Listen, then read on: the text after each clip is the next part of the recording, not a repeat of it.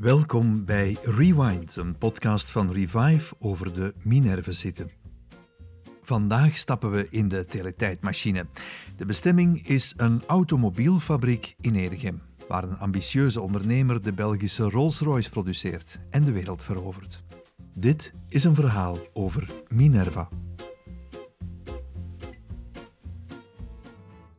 De jaren 20 waren een gouden periode voor autodesign. Auto's waren niet alleen technologische hoogstandjes, het waren ook echte kunstwerken die alleen waren weggelegd voor een kleine groep mensen die zich dit rijdend statussymbool konden veroorloven. In die tijd stond er een Belgisch merk aan de top, Minerva. Het bedrijf dat ooit bekend stond als de Rolls-Royce van België en de autowereld op zijn kop zette met prachtige en krachtige voertuigen. Wat ooit begon als een bescheiden fietsenwinkel groeide uit tot een gigantische fabriek met duizenden werknemers. En met een naam die tot ver over de landgrenzen reikte. Minerva was wereldberoemd. Van de geplaveide straten van Antwerpen tot de boulevards van Hollywood, overal vond je het merk. Het waren auto's voor wereldsterren en royals. In deze aflevering luisteren we naar het verhaal van Minerva. Historicus Donald Weber, die een doctoraat schreef over de introductie van de auto in de samenleving, en Jean Klaas, verzamelaar van Minerva-auto's, vertellen over de opkomst, hoogdagen en uiteindelijke ondergang van dit legendarische Belgische merk.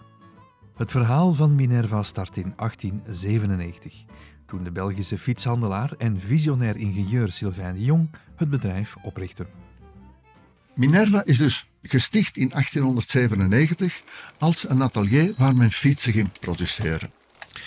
En Sylvain de Jong, dat is dus, die heette eigenlijk Salomon. Salomon de Jong. Is van Joodse afkomst. Ja.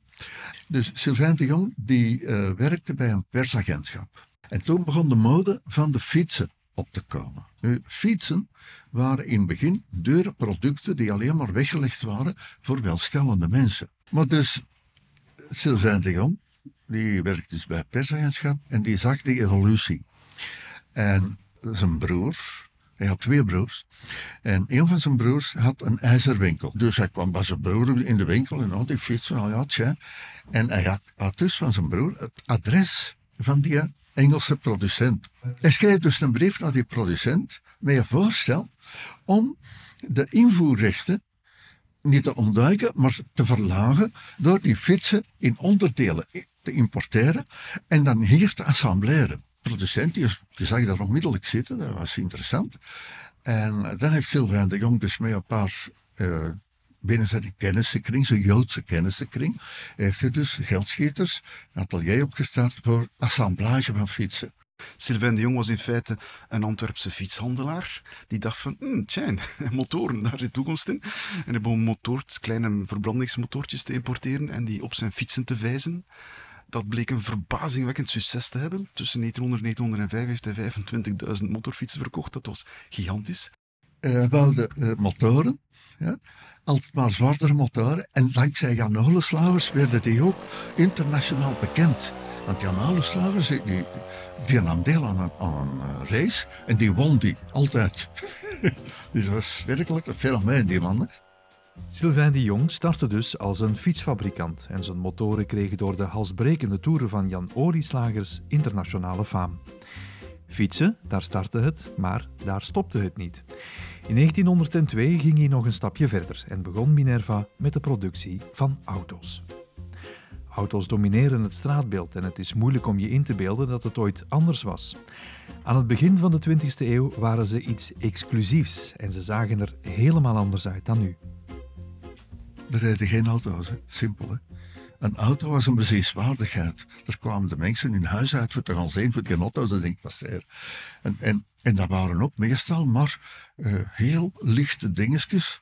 Uh, dus een plateau waar je bovenop zat. Zat niet in de auto, maar bovenop de auto. En dan met een heel klein motortje.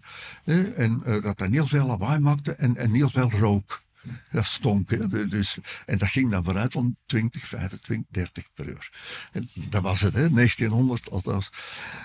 Dat heeft heel lang geduurd. Want in 1903, 4 waren auto's al totaal veranderd van uiterlijk en begonnen ze echt op echte auto's te lijken met een motorkap en dus met twee banken achterin. Dus, uh, ja, ja, dat, dus dat ging heel snel, hè. echt maand per maand verbeterde het, veranderde het. En Sylvain de Jong die wou dus mee op die kar springen, die, wou, die was dus ook ontdenken aan een kleine auto. En uh, hij is dan een beetje over, de, het merken gaan kijken bij auto's die er al waren. En er zijn dus een aantal proefexemplaren gemaakt. Sylvain de Jong heeft dus de eerste autootjes gemaakt en die werden in zijn ateliers gemaakt, echt apart. En uh, dat was mijn tweecilindermotor. waren ook heel kleine, lichte dingetjes. En die werden dus voor hemzelf en dan ook voor andere directieleden. En dat waren de testrijders, als ik het zo mag noemen. Uh, die werden niet verkocht, dus, dus, er werd ook maar een heel klein serie van gemaakt. En dat was gewoon ondervinden van uh, wat kan er verbeterd worden. Maar je moet dat goed begrijpen, het begin van automobielen. En nu spreek ik over de jaar 1890, voor de Eerste Wereldoorlog, heel belangrijk. Want na de Eerste Wereldoorlog kantelt dat naar een massa-auto. Maar daarvoor was dat een speelgoedje voor de rijken. Geen utilitair vervoermiddel. Iets waar de rijken met een chauffeur-mechanicien zomers gingen uitstapjes mee maken. En dat ging dan als volgt. Je ging naar een ingenieur die een klein ateliertje had. En als die wat goed boerde, werd hij een automobielmerk.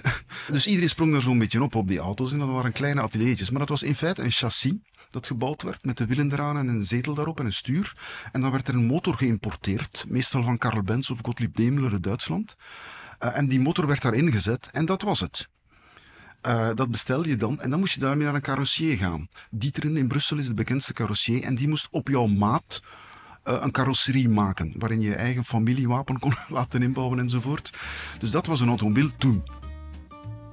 In de jaren 1910 en 1920 bereikte Minerva zijn hoogtepunt.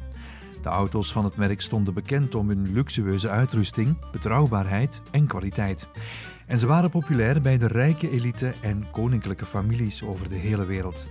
Zo reden de Belgische en Britse koningshuizen met de auto's van Antwerpse makelij. De auto is geboren in Duitsland. Zijn weeg stond in Frankrijk, maar zijn adelbrieven kreeg hij in België. Minerva, als automobielbouwer, al direct, eigenlijk heel vroeg, hè, faam had verworven. Hij werd overal geloofd, werden lovende persartikelen geschreven over de Minerva-automobielen. Bovendien het feit dat hij door koningen en prinsen werd gekocht en een hele rits Amerikaanse filmsterren zo'n Minerva hadden, ja, spreekt enorm tot de verbeelding natuurlijk. De mensen zien die filmsterren uh, in de cinema, gaan naar huis, kopen een magazine en zien, oh kijk, die filmster rijdt met de Minerva van onze stad. Uh, want de Minerva is van ons natuurlijk, in Antwerpen. Henry Ford heeft een Minerva gekocht. voor, als privaatwagen. Hè? Uh, en op een bepaald moment uh, vroeg een journalist in Amerika dan hem, uh, ja meneer rijdt met een Minerva. ja, ja, zei Ford toen geantwoord, maar ik zorg altijd dat er iemand met een Ford achter mij rijdt. Als de Minerva in pan zou vallen. Niet toegeven dat dat een goede auto was. Minerva's werden in die tijd vaak gezien als gelijkwaardig aan Rolls-Royces en ze werden ook wel de Belgische Rolls-Royce genoemd. De Belgische Rolls-Royce, wat een fantastische wagens moeten het geweest zijn. Ook Jean en Donald zijn er nog steeds van onder de indruk. Vergeleken met de autootjes van nu was dat een kolos om te beginnen. Dat was drie à vier meter lang, denk ik. Uh, de, de kap was toch wel twee meter hoog. De banden waren anderhalf keer zo groot als wat we nu kennen. En daartussen die banden was nog een treeplank waar ik kon gaan opstaan. Dat geeft ook altijd een beetje een uitstraling. Uh, er was een hele lange motorkap. En op die motorkap staat natuurlijk uh, het symbool van Minerva, het, het auto-embleem. Zo dat kleine kopje van die Romeinse godin, uh, klassicistisch uitgewerkt van Peter de Soete, geloof ik, die dat ontworpen had in 1922. Dus dat spreekt dan aan. De kleuren ook. De, die in het mas was, was een beetje donkerrood, felrood met, met beige. Het stuur van de Minerva zat binnenin nog een kleine cirkel met twee of drie hendeltjes die je kon verzetten. Een van die hendels regelde de vrijloop. Dus je kon de vrijloop trager of sneller laten draaien. Dat was belangrijk als je uh, s morgens koud startte. Dan moest je wat rapper laten draaien. Hè. Een ander regeltje regelde de gastoevoer, rijk of arm. En het derde, eh, derde uh, hendeltje regelde dan de ontsteking. De bestuursraad van Minerva die is verschillende keren uitgebreid. Dus nieuwe bestuurders bijgekomen, die natuurlijk dus aandelen kochten, hè, om dus het kapitaal te verhogen. En dan werd hij automatisch lid van de bestuursraad. Uh, een van die mensen was een zekere David Citroen. En die was ondertussen rijk geworden met uh, aandelen te kopen van Zuid-Afrikaanse diamantmijnen. En die was rijk geworden. En die kwam mee in de bestuursraad. Maar die leerde kort erop uh, een Joods meisje kennen. En die vader was een bankier. En die verhuisde naar Engeland, naar Londen. En dat was een beetje een probleem, dus is ze dan maar mee getrouwd. En ze ook verhuisd naar Londen. En zo gauw dat hij in Londen woonde, met zijn nieuwe bruid en met zijn schoolpapa, uh, is hem daar een, een, zaak begonnen, een kleine zaak, voor de verkoop van de motors Minerva. Dus hij had daar een zaak en verkocht motoren eh, voor een paar jaar. En toen heeft hij die zaak verkocht.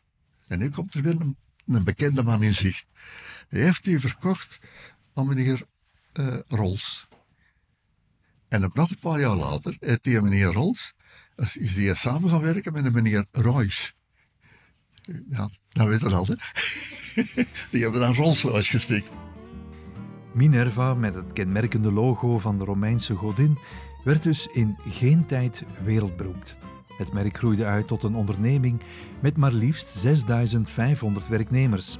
En om die uitbreiding op te vangen werd een nieuwe, grotere fabriek gebouwd in Morsel en Edegem. Uh, zij zaten in de Karel hadden aan beide zijden van de straat hadden ze dus fabrieksgebouwen. Uh, ene kant twee verdiepen, de andere kant drie verdiepen, met uh, nog een, wat ik wil noemen, een Frans dak. En dat Frans dak, dat was de school. Want zij leidden zelf hun mechaniekers op. Dat was ook bij het noodzaak, want het onderwijs voldeed niet. Er was onvoldoende uh, aanbod in het onderwijs voor technische vakken. Dus dan nog hadden zij plaatstekort. Ze maakten alles zelf. Je moet dat wel letterlijk nemen. Hè. Dus de chassis werden daar gemaakt, de motoren. Dat wil zeggen dat ze dus uh, gieterijen hadden. Van verschillende metalen. Hè. Niet alleen uh, maar ook bronsgieterijen, aluminiumgieterijen. Dat, dat, zat allemaal in die fabrieken daar. Hè. Uh, zij maakten om, om het, uh, is, heel ver, uh, wat, ik zelf nogal ver gezocht vind, maar toch, zij maakten zelf accu's batterijen. Dus dat ging dus heel ver. En er was dus plaatstekort. En uh, ik heb in mijn opzoekingen gezien dat dus in 1904 hebben ze, ze zaten aan de ene kant, wat dan nu vandaag uh, het, het groot warenhuis Albert Heijn. Wel, daar stond dus het eerste Minerva-fabriek. En dan zijn ze beginnen uitbreiden met een fabriek aan de overkant van de straat. In één keer groot genoeg, dachten ze, niks ervan. In de opvolgende jaren, dan hadden de oude fabriek en de nieuwe fabriek. En de oude fabriek, die is altijd opnieuw, kochten zij gronden, links en rechts naast, om er weer uitbreidingen op te zetten. En dat groeide, dat groeide, en nog niet genoeg plaats. En zij bouwden zelf ook hun eigen koetswerken.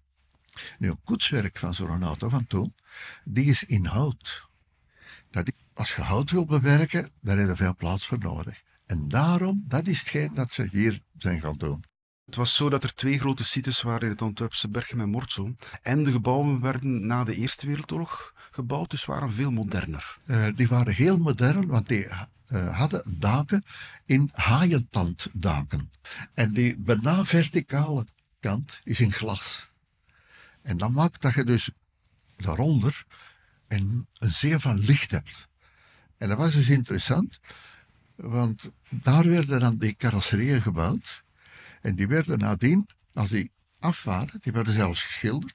En die werden dan getransporteerd naar Bergen, naar de Karel waar dat de chassis werden gebouwd. Uh, dan heb je hier de ingang vooraan.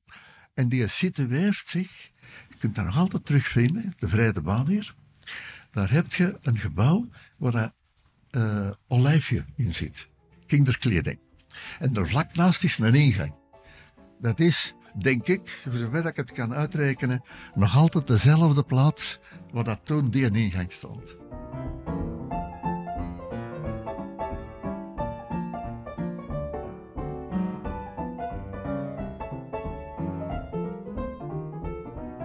Wat deden arbeiders wel, lopende banden waren er dus nog niet, dus dat was eigenlijk allemaal verdeeld in kleine workshops waar stukjes van het werk werden gedaan, waarna de onderdelen van de auto's werden getransporteerd naar een andere workshop waar een ander stuk werd gedaan. Om maar één ding te zijn, bijvoorbeeld het verven van de carrosserie, dat was een gigantische job met alle kieren en spleetjes en moest alles weer uiteengevezen worden. Drie lagen verven, drogen, dan weer ineengevezen worden, nog een keer geverfd. Dus dat was 450 uur of zoiets om een auto te verven. Dus kan je wel nagaan dat dat op verschillende plaatsen gebeurde, want er moesten voortdurend stukken liggen drogen. Er waren ook draaiers die, die in metaal uh, uh, moesten bewerken om het op de juiste formaten te krijgen. Dus dat werd wel toegeleverd door bedrijven, maar in zeer ruwe vorm. Er werd hier ook nog uh, grondstoffen verwerkt. Zij moesten dus hout inkopen. En hout inkopen, dat doe in bomen. Dus dan krijg je een boom die in lagen gesneden is. Voordat die kon gebruikt worden in de koetswerkafdeling, werd die daar nog eens door een droog oven gestaan. Waar dat dus een vuur werd gestookt, vandaar die, die schouw. Vandaag een plek waar je na een drukke dag tot rust kan komen. In de tijd van Minerva was dat wel anders. Voor die tijd was het een enorme industriële site, waar het een komen en gaan was van arbeiders die allemaal zwaar werk uitoefenden. Hoe zag een werkdag bij Minerva er nu uit? En werden de arbeiders goed behandeld? Hoe zag een werkdag eruit van een arbeider? Dat viel eigenlijk nogal mee. Om, om te beginnen, metaalarbeiders, zwaar gespecialiseerd, waren eigenlijk de best betaalde arbeiders van Antwerpen. Dus iedereen wilde graag werken. Een groot probleem voor de vakbond. het was niet makkelijk om mensen hier uh, mee te krijgen. Nochtans is dat op een bepaald moment wel gelukt. Um, 1910, geloof ik, 1909 of 1910, heeft Sylvain de Jong zelfs een overeenkomst gesloten met de PMB, de Provinciale Metaalbewerkersbond. Dat was een socialistische metaalvakbond. En dat was de eerste keer dat een werkgever een collectieve overeenkomst ondertekende in België. De automobielsector was altijd veel erg vooruitlopend. In Amerika betaalden Ford arbeiders 5 dollar per dag. En dan als eerste, ik geloof, een acht urendag en een vijf, vijf dagen week. Dus dat was typisch voor de automobielsector. Sylvain de Jong deed dat ook. Al moet ik erbij zeggen, twee jaar later was het slechte tijd en heeft Sylvain de Jong alle vakbondsakkoorden weer opgezegd. En hij kon dat, want hij bood dan de arbeiders een individueel contract aan, waarvan de logen zo hoog lagen dat de arbeiders daar dan op ingingen. Dus was het eventjes weer gedaan met de collectieve arbeidsovereenkomsten. Niettemin, het was de eerste fabriek waar de vakbond als gesprekspartner werd erkend dan de arbeiders zelf, dat viel eigenlijk nogal mee, behalve als er uh, leveringen, als er deadlines waren. Uh, een klant kreeg die een nieuwe auto bestelde, dan moet het niet gaan bouwen. Want dat was toen wel, men bouwde niet zoals nu uh, reserve. Nee, nee, men bepaalde als er een, een, opdracht was. En men wou wat meer tijd, want die klant wou die auto natuurlijk tegen dat het goed weer werd. Voor zijn uitstapjes in de zomer te doen. Er werd eigenlijk geproduceerd in een seizoen over de winter heen. Dus je had het seizoen, zeg maar wat, 1926 en 1927. In feite waren alle auto's die in dat seizoen geproduceerd gingen worden in de fabrieken op voorhand al besteld. Maar dat betekende ook dat als die bestellingen klaar waren, dat er kalme tijd was en dat er een aantal arbeiders naar huis werden gestuurd. Eigenlijk onbetaald. Eh, technisch werkloos zouden we nu zeggen, maar toen was dat niet technisch werkloos, toen was dat gewoon werkloos. Uh, dus die arbeiders was dat niet zo leuk. Uh, moesten ze hier werken? Ja, dat was zeer zwaar werken, de metaal. Uh, en ja, als er, het ging er vanaf. Er zijn op een bepaald moment 25 urenweken ingevoerd. Wat een beetje eigenlijk een soort van technische werkloosheid was. Want op andere momenten, toen het druk was, was het gemakkelijk zo dat ze tot 12 uur per dag moesten werken. Spreek ik over voor de Eerste Wereldoorlog en kort na de Eerste Wereldoorlog. Het was zelfs zo um, dat er, um, als er echt leveringen moesten zijn, ja, die moesten die automobielen klaar. Want die moesten op de trein en op de boot en die gingen niet wachten. Dus die arbeiders moesten gewoon doorwerken tot als het af was. En dat was soms 24 uur, 36 uur en langer aan een stuk. Bepaald moment is er met de vakbond overeengekomen dat als ze zulke overuren moesten kloppen, dat ze in elk geval niet meer dan 36 uur aan een stuk zouden werken en dat de arbeiders daarna 12 uur tijd zouden krijgen om te gaan slapen. Dat is op een bepaald moment overeengekomen met de vakbond. dus die omstandigheden had je toen wel. Maar over het algemeen waren de mannen van de Minerva bij de beter betaalde arbeiders en degene met een hoger aanzien tussen alle arbeiders uh, in Antwerpen. Dat wel. Het waren ook mannen van de metaal, Ja, dat is stoer altijd. dat is, uh, ja. De topwerkers hadden toen nog een beetje van de lagere klasse, een beetje een, mindere naam. Maar die van de Minerva, nee, dat was uh, zo'n beetje de, de, elite onder de arbeiders eigenlijk. Toen ik in de jaren 70, begin 80, met die oud-werknemers van Minerva sprak, dan was er één ding dat mij enorm opviel. En dat was de fierheid. Die mensen die waren allemaal zo trots op het feit dat ze bij Minerva hadden gewerkt. Stel je voor, ik heb bij Minerva gewerkt. Dat, dat was die houding. Dat zegt genoeg, vind ik. De grote depressie in de jaren 30 betekende de doodsteek voor Minerva. De vraag naar luxe wagens daalde drastisch en het bedrijf kon de neerwaartse spiraal niet omkeren. Er werd geprobeerd om de productielijn te diversifiëren en het bedrijf produceerde zelfs vrachtwagens en bussen, maar het mocht niet baten. De neergang van Minerva is geen verrassing voor Donald en Jean. Vanaf de jaren 20 begint Ford naar hier te komen.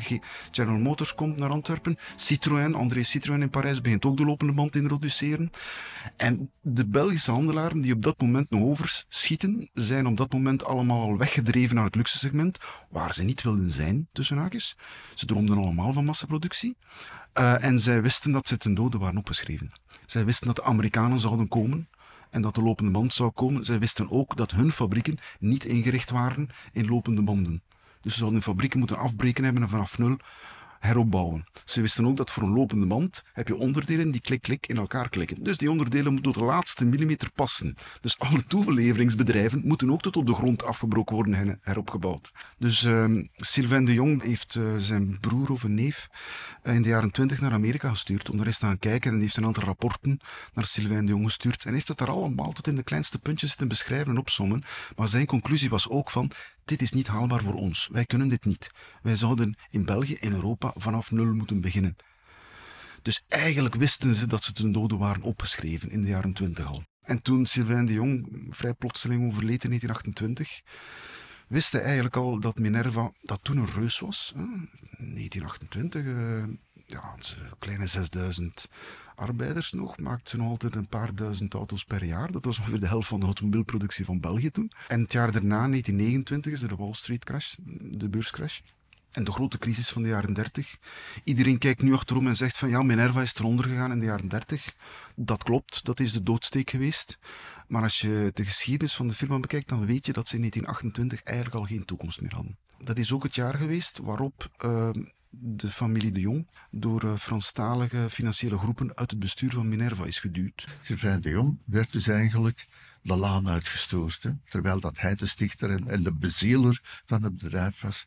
Dus de, door een nieuwe directie, want die directie die kende er niks van. En die had dan bovendien nog de pech dat dus in 30 de financiële crisis uitbarstte.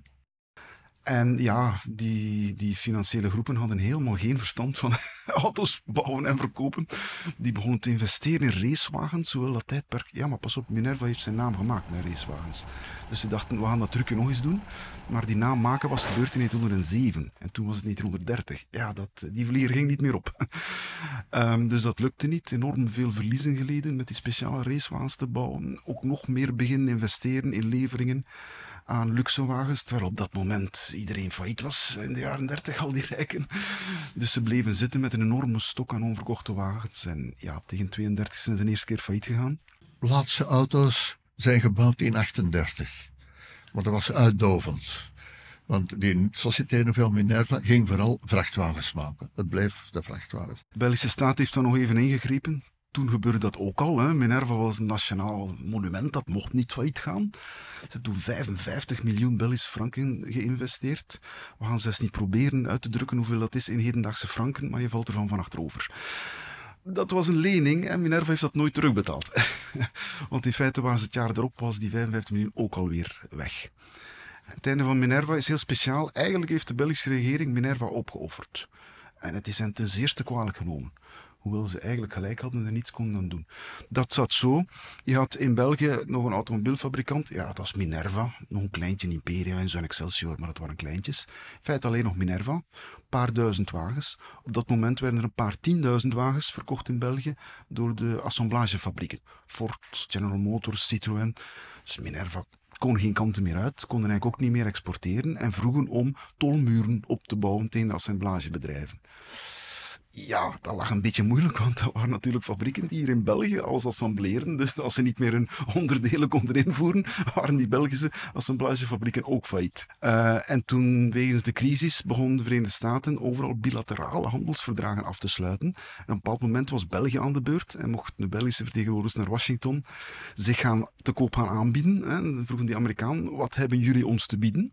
Uh, ja, de Belgen wilden graag glas en beton invoeren in Amerika, maar wat konden ze in, ruil geven? A, lage toltarieven voor de Amerikaanse automobielonderdelen voor Ford en General Motors.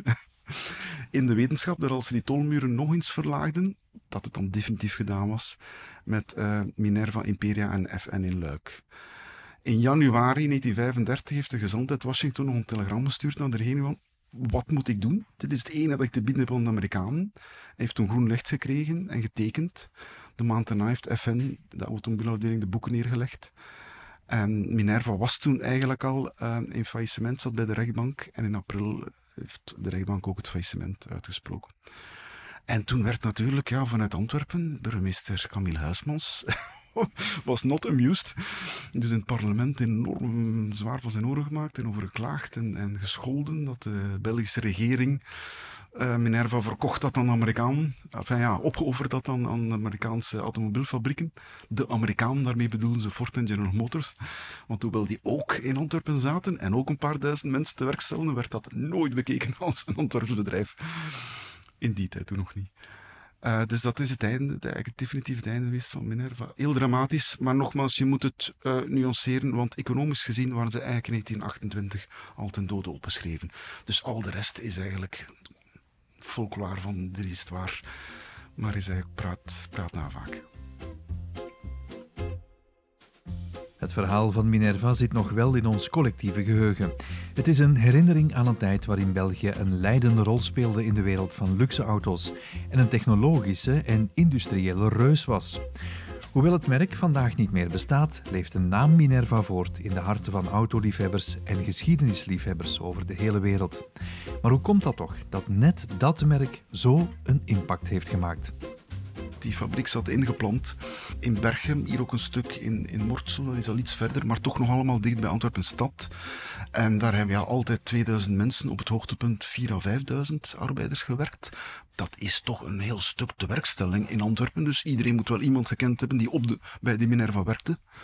Dus uh, ja, het is een beetje een, een, mengeling. En, en ik denk ook, ja, dat is misschien een beetje gevaarlijker als ik het zeg, maar de algemene uitstraling die automobielen toch blijven hebben kleine jongetjes spelen met autootjes. Vroom, vroom, vroom. Dat, dat, ja, dat blijft toch iets, iets geven. Er zit daar een emotioneel aspect aan. Ik denk dat met Minerva dat ook wel een beetje meespeelt. Het, is, het zijn autootjes. Niet alleen jongens trouwens, ook dames hebben daar vaak uh, iets voor, iets mee. Dus ja, een beetje een mengeling van, van, van de, de, de trots, chauvinisme, de trots op de eigen stad, de emoties die die auto's oproepen en de droomwereld van die ongelooflijke luxe wagens. Minerva produceert al lang geen auto's meer. Maar toch leeft de ziel van het legendarische merk voort in de Minerva-site. Geloof je me niet? Ga er maar eens op ontdekking. En kijk goed om je heen. Misschien zie je wel een straatnaam vernoemd naar een beroemde motorrijder. Of vind je een wieldop van een Minervet. Of word je zelf geïnspireerd om de automobiel van de toekomst te ontwerpen. Wat het ook is, je zal versteld staan. Bedankt om te luisteren. Benieuwd naar meer geschiedenis? Of wil je de nieuwe buurt ontdekken? Beluister dan zeker onze andere afleveringen. Je vindt ze op minerve.info/podcast.